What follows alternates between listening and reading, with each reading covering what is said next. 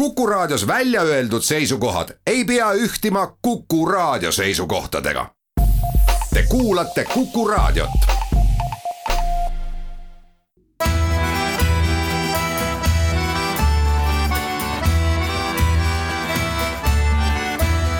Kirillitsas Eesti tere päevast, head raadiokuulajad, eetris on Kirillitsas Eesti saatejuht Pavel Ivanov ja täna me oleme stuudios kahekesi koos äh, Dmitri Teperikuga rahvusvahelisest kaitseuuringute keskusest, tervist, Dmitri. tere päevast. alustame ühest äh, väga kurioossest tegelikult juhtumist äh,, aga ta väärib tähelepanu sellepärast, et see, ma jooksen ette ja nagu öeldakse, teen väikese intriigi ta oli ootamatu ja pisut üllatav, see sündmus. see sündmus iseenesest oli kirjalikku tüüpi, nimelt Ivangorodi ehk siis äh, Narva piirilinna sõsarlinn äh,. Ivangorodi elanik Sergei avaldas sotsmeedias sellises grupis nagu Narva Ivangorod pöördumise Venemaa presidendi Vladimir Putini poole. ja Sergeid äh, hakkas morjendama see, mis toimub öö, äh, vaktsineerimisega ja koroonaviiruse piirangutega, kui me räägime piiri ületamisest.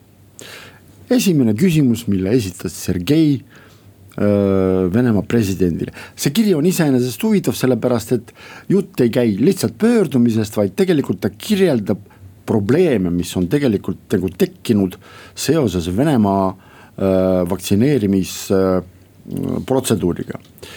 Esimene küsimus Sergeilt Putinile on see, et miks Venemaa kodanikud peavad maksma testide eest isiklike äh, rahaliste vahendite eest, kui nad tulevad välismaalt keskeltläbi kaks tuhat viissada rubla testi kohta, mida peab tegema öö, äh, kaks testi viie päeva jooksul ja panna, avaldada neid portaalil äh, riigi teenused. see on siis viis tuhat rubla igaühele, et ja ka selline öö, äh, nõudlus või siis äh, tingimus ongi nagu riigi poolt välja töötatud. et see ei ole nagu elanike soov, vaid see on nagu riigi poolt määratud asi. teine, Sergei Ivangorodis küsib, miks Venemaa kodanikud ei saa teha teste otseselt piiripunkti peal, aga on sunnitud pöörduma kliinikutesse, aga ainult nendes, mis on soovitatud riik, riigi poolt. Äh, Sergei kirjutab, et see on otsene korruptsiooniskeemi fakt. ja kolmas palun selgitada, kirjutab Sergei Putinile, et milliste dokumenti alusel või siis seaduste alusel või siis mingisuguste uuringute alusel Teie poolt on antud vastus järgmise sisuga. antikehade olemasolu ei anna garantiid viirus Covid-19 väljamineku kohta. ja sellepärast test, testide öö, nõudmine jääb kehtima sõltumata sellest, kas inimene on vaktsineeritud või siis varem on ta selle haiguse üle põdenud. ja Sergei kirjutab väga rangelt ja väga räigelt Putinile, et teate, et selline vastus teie poolt, et ta nagu ausalt öeldes tekitab väga suurt probleemi Venemaa vaktsiini autoriteediga. ja ta teeb ettepaneku kas siis lõpetada Venemaa kodanike testimine Äh, nende inimeste puhul, kes on juba vaktsineeritud või siis äh, läbi põdenud haiguse, kasvõi kuueks kuuks äh, väga, väga huvitav, me ei oska praegu öelda, kas see avalik kiri on jõudnud ka ma ei tea, kasvõi Peskovini, Putini pressisekretärini või siis otseselt Putini poole. aga näed, sellest kirjast me saime koheselt teada, et tegelikult nende asjadega on probleeme, mida tavakodanik nimetab Venemaa viiruse vastast vaktsiini öö, faktoriks. Jah, ja ma olen kindel, üsnagi kindel, et kohalik FSB kontor seal Jaanilinnas või ütleme, Peterburi harukontor kuskil. Sergeid me enam ei näe jah, sa tahtsid öelda? no ei, ma tahtsin öelda seda, et ju siis nad panid ka tähele, et selline pöördumine, avalik pöördumine on nüüd ilmunud sotsiaalmeedias ja ta selgelt levibki ka tavameedias. ja Eestit puudutab see niivõrd, kuivõrd äh, tegelikult seesama Sergei võrdleb ju olukorda äh, Eesti omaga, et tegelikult äh, Eesti võimaldab tasuta testimist neile, kes siis noh, tulevad välismaalt ja nagu reisivad seoses tööülesannetega ja siis muidugi ka vaktsineerimise tase Eestis on ju tunduvalt ja märkimisväärselt parem. aga noh, selge see, et see on ühine mure, et ma arvan, kui nüüd rääkida siin riikide poliitikast, siis ilmselgelt puudutab see tavakodanikke igal pool, olgu see Eesti, Läti, Venemaa või mingi, mingi teine riik. aga noh, eks Venemaal muidugi neid probleeme kuhjub järjest rohkem ja seda markantsem see näide on ka eilse Putini selle kõne äh, taustal, kus ta rääkis muidugi. föderatsiooni nõukogule, läkitus föderatsiooni nõukogule. kus ta rääkis hästi palju igasugustest äh, rakettidest ja sellest, kuivõrd võimas Venemaa on. Äh, aga noh, reaalsus muidugi eriti provintsiaallinnas, nagu Jaanilinn tegelikult on, see reaalsus on muidugi väga kurb. Ja kusjuures tegelikult veel Sergei oma selles avalikus kirjas Äh, pöörab tähelepanu veel ühele väga huvitavale faktile, mis tegelikult varem pole ähm, vähemalt meedias nagu kõlanud. et äh, tegelikult, ta kirjeldab seda olukorda, kui Venemaa Föderatsiooni kodanikud peavad läbima teste, kui nad tulevad väliskomandeeringutest tagasi et tema nimetab, et mis siis, mis siis see tähendab, et teised riigid äh, usaldavad meie vaktsiini, aga Venemaa Föderatsioon iseenda vaktsiini siis ei usalda või? Äh, no ju siis neil ei olegi võib-olla piisavalt infot selle enda vaktsiini äh, efektiivsuse kohta, nii et noh, selge see, et mingisugune vaktsiin on. no neid on seal kusjuures minu meelest iga nädal sünnib uus vaktsiin. ja nüüd on küsimus, kuivõrd tõhus see on, noh ja seni, kuni ei ole kontrollitud sõltumatult kontrollitud andmeid siis need igasugused spekulatsioonid ja oletused on väga kiire tekkima jah, aga igal juhul tõesti kordame veel kord üle, et mitte keegi tegelikult ei ole öelnud, et Sputnik on niivõrd halb vaktsiin, et seda ei tohi absoluutselt mitte kuhugi lasta. et äh, kui on Euroopa Liidu poolt heaks kiidetud ja kõik analüüsid näitavad, et ka kõrvaltoimete Ehm, see protsent ei ole selline, mis peaks nagu panema äh, meditsiiniasutused ja riike mõtlema, et kas neid kasutada või mitte. probleeme ei ole, aga see juba näitab tegelikult mitte vaktsiini probleeme, vaid riigi Äh, protseduurilisi probleeme. no selles mõttes on sul õigus, et tegelikult nendest vaktsiinidest, olgu see Venemaa, Hiina või mõne teise riigi äh, vaktsiinid neist on saanud ju tegelikult juba geopoliitiline teema. et äh, lisaks muidugi äh, ka see, et äh, sisuliselt iga teine või kolmas kodanik on nüüd nii-öelda kodu kootud viroloog ja teab nendest vaktsiinidest ja kõrvaltoimetest nagu rohkem kui diplomeeritud arst. nii et siin muidugi ka üleskutse neile, ka meie nii-öelda venekeelsetele elanikele Eestis, kes justkui ootaksid seda Sputnikut ei tasu riskida ja kui on olemas võimalus äh, ennast vaktsineerida ükskõik mis vaktsiiniga, see kindlasti äh, päästab elusid. seda ütles ka muuseas eelmisel nädalal äh, Venemaa konsul Narvas, aga reklaamipaus, pärast oleme eetris taas.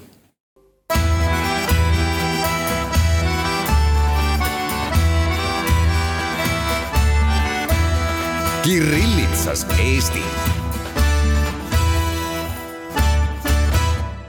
jätkame saadet, Pavel Ivanov ja Dmitri Tiberik.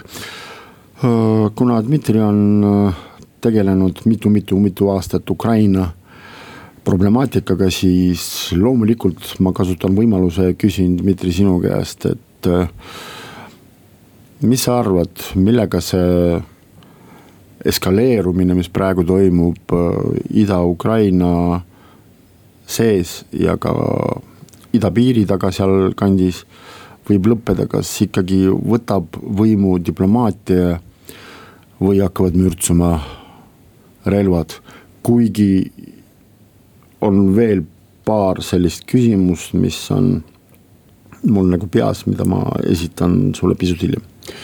no siin tuleb märkida, et äh, sõda Ukrainas ju käib äh, igapäevaselt ja iga päev hukkub sõdureid, äh, eriti muidugi Ida-Ukrainas seal rindejoonel. vot mul, mul, anna andeks, vot, vot, vot siin ongi nagu see koht, mind huvitab, kes sõdib siis seal praegu. kes, kelle mürsud on tapnud selle nelja-aastase poisi mis on tehtud, eks ole, kellest on tehtud suur ülemaailmne. no need on eelkõige muidugi niinimetatud Donetski ja Luhanski vabariikide ar armeed, keda osal-, osaliselt või täielikult siis kontrollivad äh, Venemaa äh, FSB ja Venemaa sõjaväe instruktorid. ehk siis omad tulistavad omasid või? Äh, jah seal on tegelikult see segane olukord, et need DNR-id ja LNR-id iseenesest tulistavad omasid, pluss nad muidugi ründavad neid Ukraina sõjaväge rindejoonel ja positsioonil ja Ukraina sõjaväele on ju antud käsk mitte vastata provokatsioonidele, nii et. sellepärast Ukraina poolt selline vaikus ongi jah, nii et äh, ja noh, Ukrainale muidugi on avaldatud surve äh, ka lääne poolt, et ta ei alluks provokatsioonidele ja mis on iseenesest äh, õige käitumine, aga noh. Millal see kannatlikkus lõpeb, nii et selge see, et ükskõik, mis poliitiline võim seal on, ei saa seda taluda noh igavesti ja kui sul tõesti iga päev toob selliseid uudiseid, et äh, mitu sõdurit on jälle hukkunud ja samas me näeme, et äh, vägede koondumine jätkub. ja nii-öelda sõjalise sekkumise äh, tõenäosus kasvab. Kas nüüd päädib sellega, seda me ei oska öelda ja polegi mõtet võib-olla spekuleerida. aga oht iseenesest on täiesti reaalne ja me näemegi, et neid erinevaid stsenaariume, kui nüüd rääkida Aasovi mere piirkonnast äh, ja ka Krimmist, tegelikult neid on üsnagi äh, tõenäolised. mul on selline küsimus, et äh, on taas tekkinud olukord, kus Ukrainast saabuvad töölised tulevad Eestisse. kas keegi oskab kuidagimoodi äh, lahti mõtestada või siis lahti äh, Äh, murda nagu inimeste päid selles mõttes, et kes nad siis on, kas nad on. no selge see, et sõda ei taha mitte keegi, see noh, see on nagu fakt, see on inimlik fakt. Aga kas nad on nii-öelda Ida-Ukraina poolt või siis nad on öö, äh, teisel pool äh, ütleme niimoodi ideoloogilist rinnet?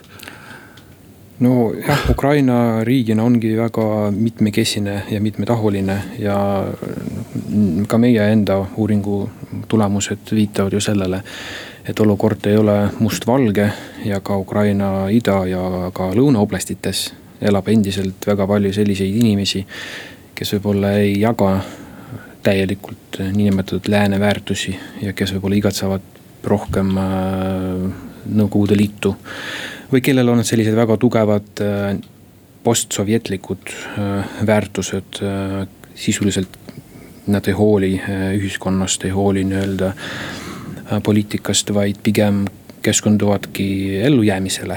ja selle ellujäämise ja parema elujärje nimel nad on valmis riskima ja muuhulgas nad on muidugi valmis ka rändama. noh, kui nüüd rääkida sellest, et miks palju ukrainlasi on tulnud noh, eelkõige muidugi Poola, aga no ka Leetu, Lätti ja ka Eestisse.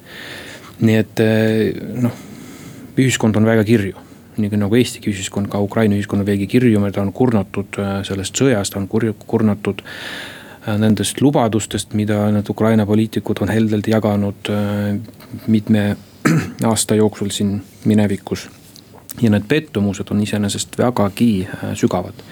nii et seal on küpsemas äh, sotsiaalne konflikt, äh, sõltumata sellest, mida Venemaa teeb või ei tee. aga muidugi Venemaa enda agressioon ja oht Ukrainale on ka, ka väga suur, nii et, et seda faktorit ei saa eirata. eile oli ETV Plussis äh, Ukraina teemaline saade, kes keda ja osalesid nii kohalikud poliitikud ja eksperdid, nii ka Skype'i teel Vene ajakirjanikud ja politoloogid. ja näiteks Pavel Felgelgauer ütles Donbassi situatsioonist järgmist, et kõige sobilikum aeg sõjaliseks operatsiooniks on mai keskpunkt. aga teine Venemaa ajakirjanik Igor Gretski, kes Skype'i teel osales selles saates, ütles, et Ukraina territooriumil sõda ei tule no jällegi, kui olla korrektne, siis sõda juba käib Ukraina territooriumil, eks ole, okupeeritud alad. ta on kummaline see sõda, ma ütlen ausalt, et ma, ma ei saa aru, ma ei saa ja. aru, kuskohast see mürsk tuli, kes tappis sellesama nelja-aastase lapse no,. tõesti, ma ei saa aru no ka mina täpselt ei tea, aga kui nüüd usaldada neid allikaid ja me usaldamegi äh, ka Ukraina luureandmeid, noh nii palju, kui neid tuleb sealt, siis noh, selge see, et äh, seal valmib erinevaid provokatsioone ja need viimased andmed ütlevad tegelikult seda, et äh, kuigi olukord seal rindejoonel ja ka piiril on hästi pinge, äh, tegelikult juba alates äh, eelmise aasta detsembrist. Ukraina territooriumil käib hästi palju sellist tegevust, millega on seotud ka Ukraina vastuluure. ehk siis noh, Venemaa sekkub äh, Ukraina asjadesse mitte ainult äh, noh, sõjaliselt, vaid tegelikult äh, igasugused manöövrid Ukraina territooriumil ja igasugused sellised kahtlase sisuga tegevused on noh, juba märgata alates detsembrist ja seda ütleb ka Ukraina vastuluure. meie enda ekspert ja ka meie saate hea sõber Igor Kapõtin, ajaloolane, sõjaajaloolane ütles eilses äh, saates, et äh, kui Venemaa agressioon on möödapääsmatu, siis Ukraina peaks äh, teostama preventiivse löögi.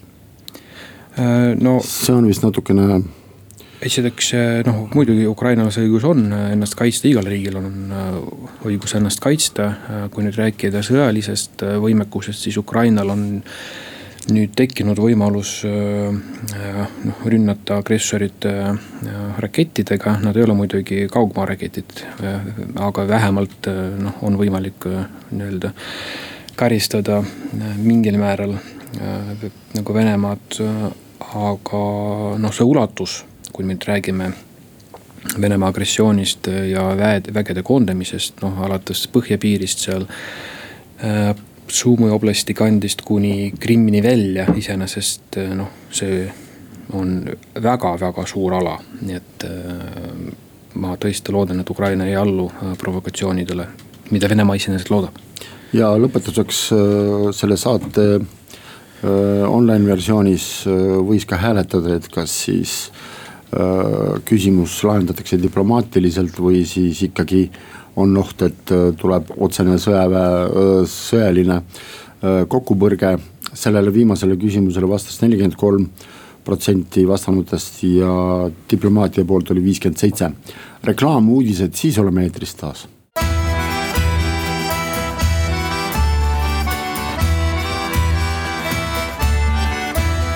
Kirillitsas Eesti meie saade jätkub, stuudios Pavel Jonov ja Dmitri Teperik. räägime natukene mitte-eestlaste poliitilistest eelistustest ja nii, kuidas me saime teada Turu-uuringute aktsiaseltsi äh, läbi viidud aprilli keskel toimunud äh, uuringust, siis selgus, et kui me räägime mitte-eestlastest, siis loomulikult esimesel kohal neljakümne seitsme protsendiga on Keskerakonna toetus aga teisel kohal on nüüd siis EKRE, seitseteist protsenti ja kolmteist protsenti ehk siis kolmas koht on Eesti kakssada. kui me räägime Reformierakonnast, siis äh, äh, protsentidest siin praegusel hetkel ei ole mõtet rääkida.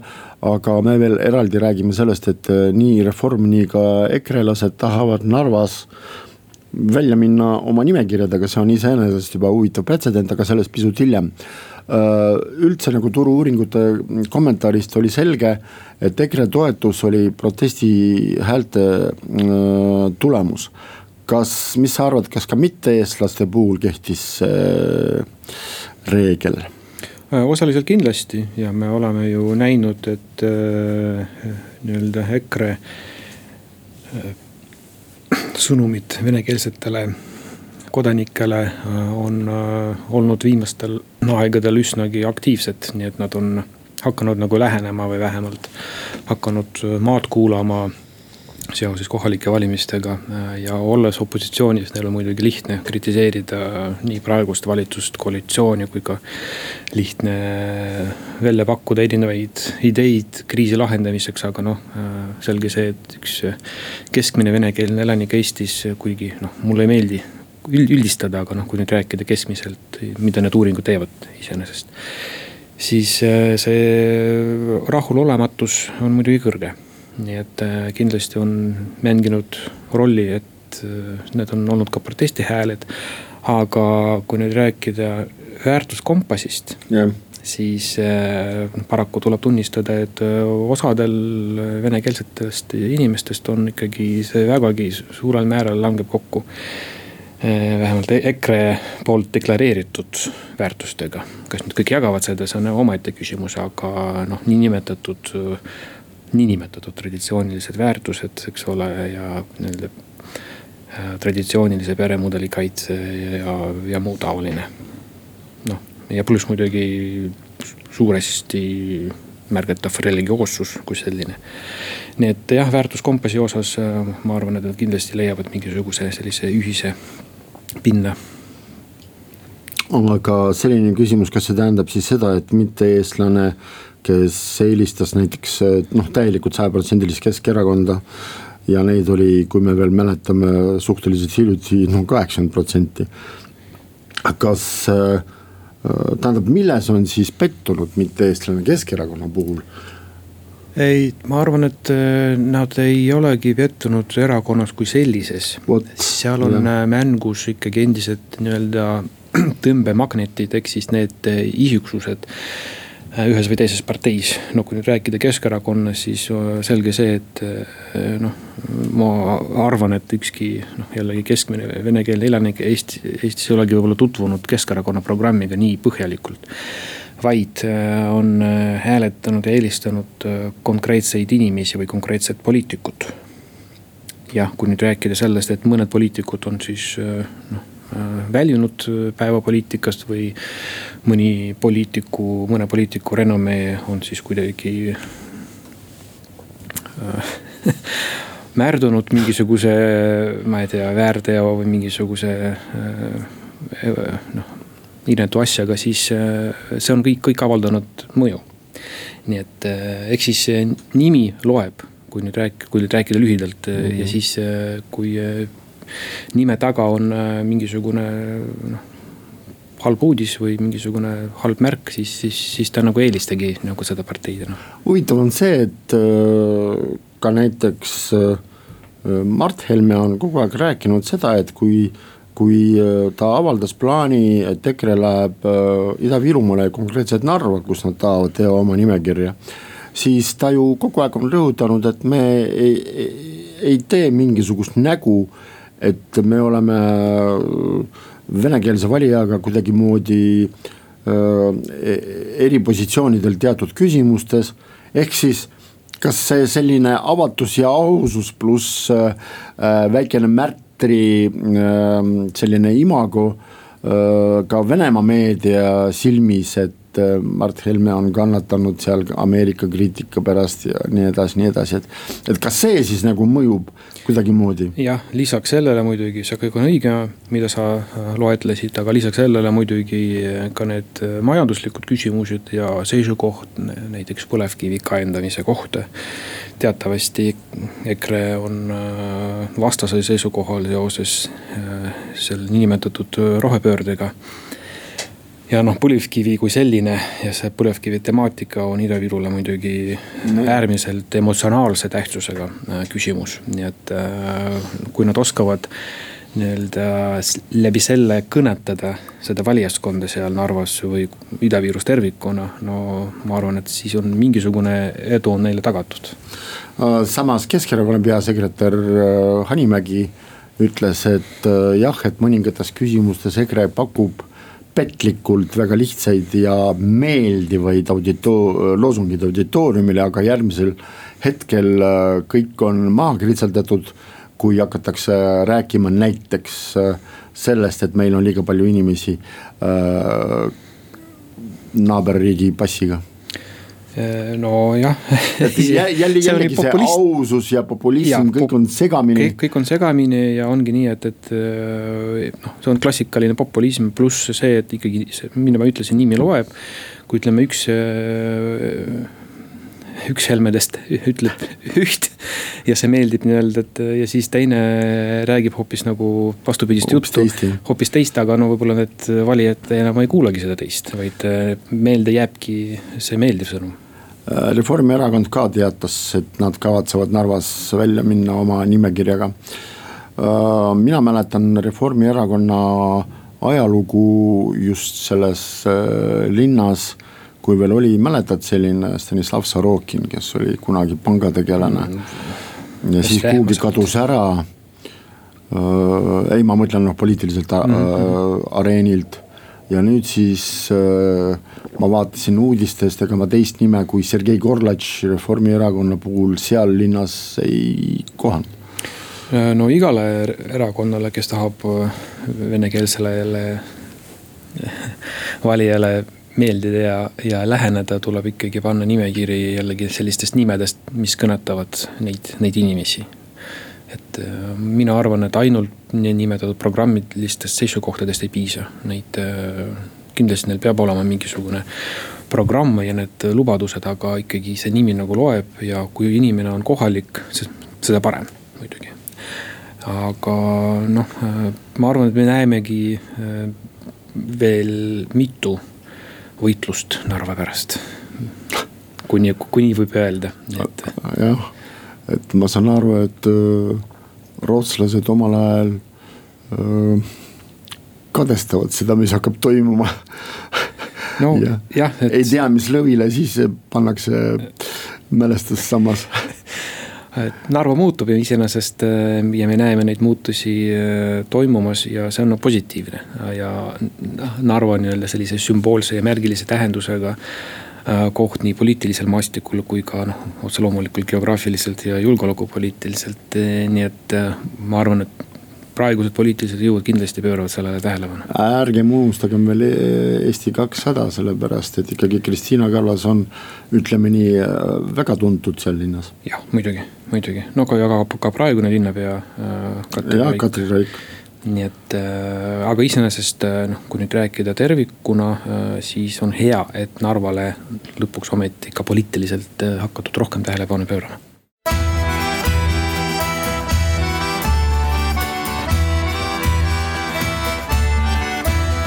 Kirillitsas Eesti.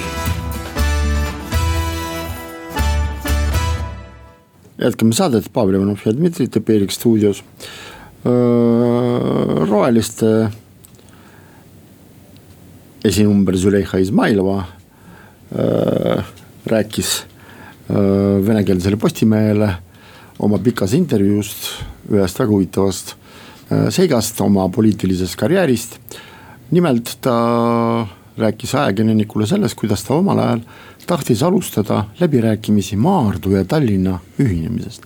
ütleme ausalt, et ajalooliselt see ei ole täiesti uus ja ootamatu idee, neid mõtteid on mõlgutatud juba varem, isegi aastakümneid tagasi. Viimasel ajal on räägitud äh, pigem rohkem äh, mingisugusest transpordiühendusest äh, Tallinna ja Maardu vahel kuni linnarongideni või siis trammideni välja. aga huvitav, et Tallinn ja Maardu, kas see oleks siis kuidagimoodi üks suur Tallinn või siis Maardu oleks nagu näiteks Priisle Lasnamäe linnaosa üks osadest või, või, või, või. no või pigem oleks ta ikkagi omaette linnaosa selle kohta muidugi tahaks teada, mida arvaksid äh, sellest näiteks Nõmme elanikud oo, arvestades äh, Nõmme ajalugu, ma arvan, et kui näiteks Tallinna Maardu ühineksid, nad oleksid väga väga, väga, väga verised. ja, aga noh, iseenesest äh, noh, kas see oleks nüüd just selline võrdne abielu või mitte. aga optimiseerimise või ressursside optimiseerimise mõttes iseenesest noh, suur Tallinna idee ikkagi noh, väärib kaalumist mitte ainult ainult Maarduga ühinemise osas, vaid võiks ju kaaluda noh, meil siin kohe külje all ju ka Tabasalu ja need muud igasugused toredad kohad mis on ju Tallinnaga nii või teisiti seotud, et inimesed käivad tööl seal noh, Tallinnas või siis nagu kuskil ümbruses ja nii edasi, et see on üks tervik äh, nii-öelda linnalik ökosüsteem, kui nii, nii võib öelda, nii et. ma muidugi, ma saaksin aru, kui näiteks äh, Tabasalu näiteks liituks kuidagimoodi, kas siis administratiivselt või siis mingil muul moel äh, Suur-Tallinnaga, aga Maardu puhul ma arvan, et oleks väga palju vastaseid no need Maardu elanikud ise ilmselt äh, siin viimase kolmekümne aasta jooksul, neil on ilmselgelt välja, kujunenud. oma kapseldanud elu ausalt öeldes. noh, kohalik identiteet, kui nii võib öelda, aga iseenesest neid uuringuid on ju olnud ka Tallinna linnaosade äh, kohta äh, just nimelt sellise kohaliku identiteedi teemal ja me teame näiteks, et kui nüüd rääkida venekeelsetest elanikest, siis Lasnamäe elanikud, venekeelsed elanikud oma sellise identiteedi ja enesemääratluse poolest erinevaid näiteks Põhja-Tallinna venekeelsetest elanikest. kuigi noh, iseenesest üks linn ja need vahemaad ei ole ju nii pikad, aga vot erinevused on ikkagi väga-väga suured. nii et noh, ka Maardu osas ma pigem kalduksin arvama, et neil on ka üsna tugev kohalik identiteet ma olen sinuga nõus ja kui korraldatakse näiteks referendum, mul on millegipärast sihuke tunne, et äh, ta oleks ühinemise suhtes äh, negatiivne jah, noh, igasugused sellised referendumid on muidugi ei no me riskiga, räägime rahvus, rahvuslikust ja rahvusdemokraatiast. ja, ja ei noh, nad on muidugi riskiga. rahvademokraatiast, vabandust. tegevused, aga äh, noh, keegi võiks seda uurida kasvõi sellise küsitluse abil, lihtsalt needsamad firmad, kes meil siin küsitlevad inimesi poliitikutest või muudel teemadel. iseenesest seda ideed äh, võiksid ju uurida, kas sellel on, oleks üldse nagu toetust. või on see järjekordne samm, äh, kuidas äh, tõmmata endale tähelepanu siis noh, valijaskonna nagu tähelepanu nii, Maardus kui ka ma ei tea, Tallinnas, Lasnamäel või kus, kuskil. nojah, kui me räägime rohelistest, siis tegelikult see roheline temaatika on Maardu jaoks oluline nojah, nii-öelda see linna tööstuslikku maastikut arvestades äh, iseenesest muidugi on. aga noh, ma rõhutaksin veel kord, et ikkagi, ikkagi taristu poolest on ikkagi kõik need linnad, noh Tallinna ümbritsevad linnad ja asumid on tegelikult väga, vägagi tihedalt seotud, inimesed liikuvad. noh, transport muidugi liikub, äh, keskkonna mõistes on ikkagi üks suur noh piirkond noh, need administratiivsed piirid, noh, nad on ju üsna mm. sellised äh, märkamatud, ütleme. ja lõpetuseks on veel üks teema, mis on ühest küljest äh, kurb ja traagiline ja teisest küljest äh, paneb mõtlema nagu inimeste, tähendab selle peale, mis nagu inimestel peas mõlgub. nimelt reisid soojadesse maale. et jah, siin äh, eelmisel nädalal me saime teada ühest traagilisest juhtumist. millal üks väike laps Eestist pärit perekonnast hukkus, noh suri Egiptuses olles. Äh, ma olen tähele pannud, et näiteks sotsmeedias on ikkagi rohkem süüdistatud äh, vanemaid selles e-, ebaadekvaatses, nii kuidas kommentaatorid arvavad vanemate käitumises, kes siis võtavad esiteks nii väikseid lapsi näiteks Egiptusesse kaasa ja teine asi, mis on nagu laiem arvamus, et noh, et just Egiptuses tuleb kõige suurem arv nakatanuid tagasi. et mis sa arvad, kas, kas, kas inimesed ei saa aru või tähendab, et noh, et on nagu vara veel minna või noh, et see, et see vabaduse otsimine ei, ei, ei tähenda rumalust kindlasti ei tähenda, aga noh, siin on see teema, et paljud inimesed äh, on enda jaoks otsustanud, et äh, ja ma ei õigusta seda, aga lihtsalt ütlen nii nagu on. Äh, jälgides seda venekeelset sotsiaalmeediat, et otsustanud, et elu tahab elamist et sa ei saa panna elu pausile ja noh, kui mõned on kannatanud, ma ei tea, pool aastat või aasta, siis kannatus on otsa saanud ja inimesed nagu tahavad tegeleda igasuguste, igasuguste asjadega. ja see nüüd sõltubki sellest, kas inimesel, konkreetsel inimesel või perekonnal on hästi välja kujunenud või arenenud ohutaju ja ka riskitaluvus ja see on tõesti väga individuaalne, et äh, kui inimesel on, äh, ütleme sihuke hästi äh, nii-öelda madal ohutaju ja ka suur riskitaluvus, noh siis ta lähebki Egiptusesse või, või kuhugi mujale, eks ole. ja siis ta on nagu valmis nagu riskima, mõtlemata muidugi tagajärgedele ja laiemas plaanis ja ühiskonnale, no Eestile ja, ja. Putin ütleks selle ko-, nende inimeste kohta, et väga madal sotsiaalne vastutus.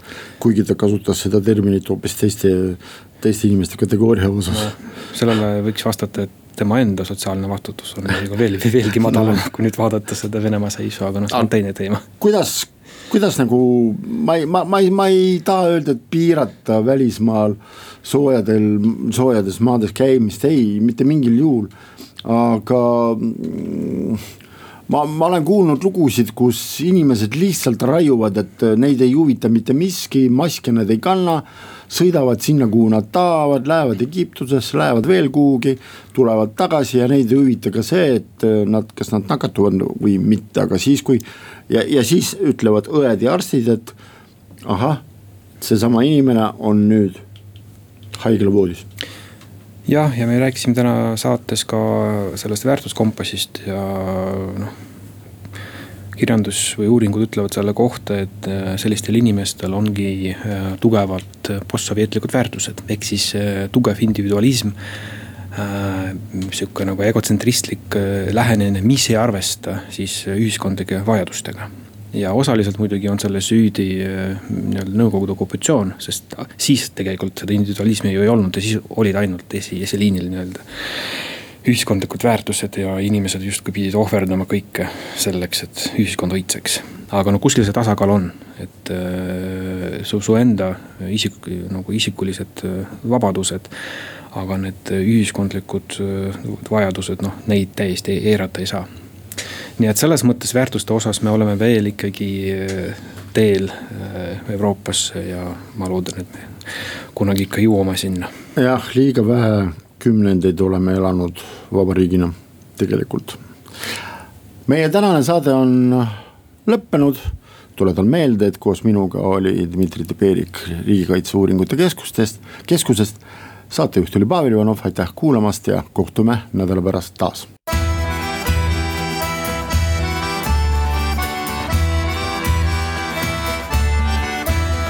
Kirillitsas Eesti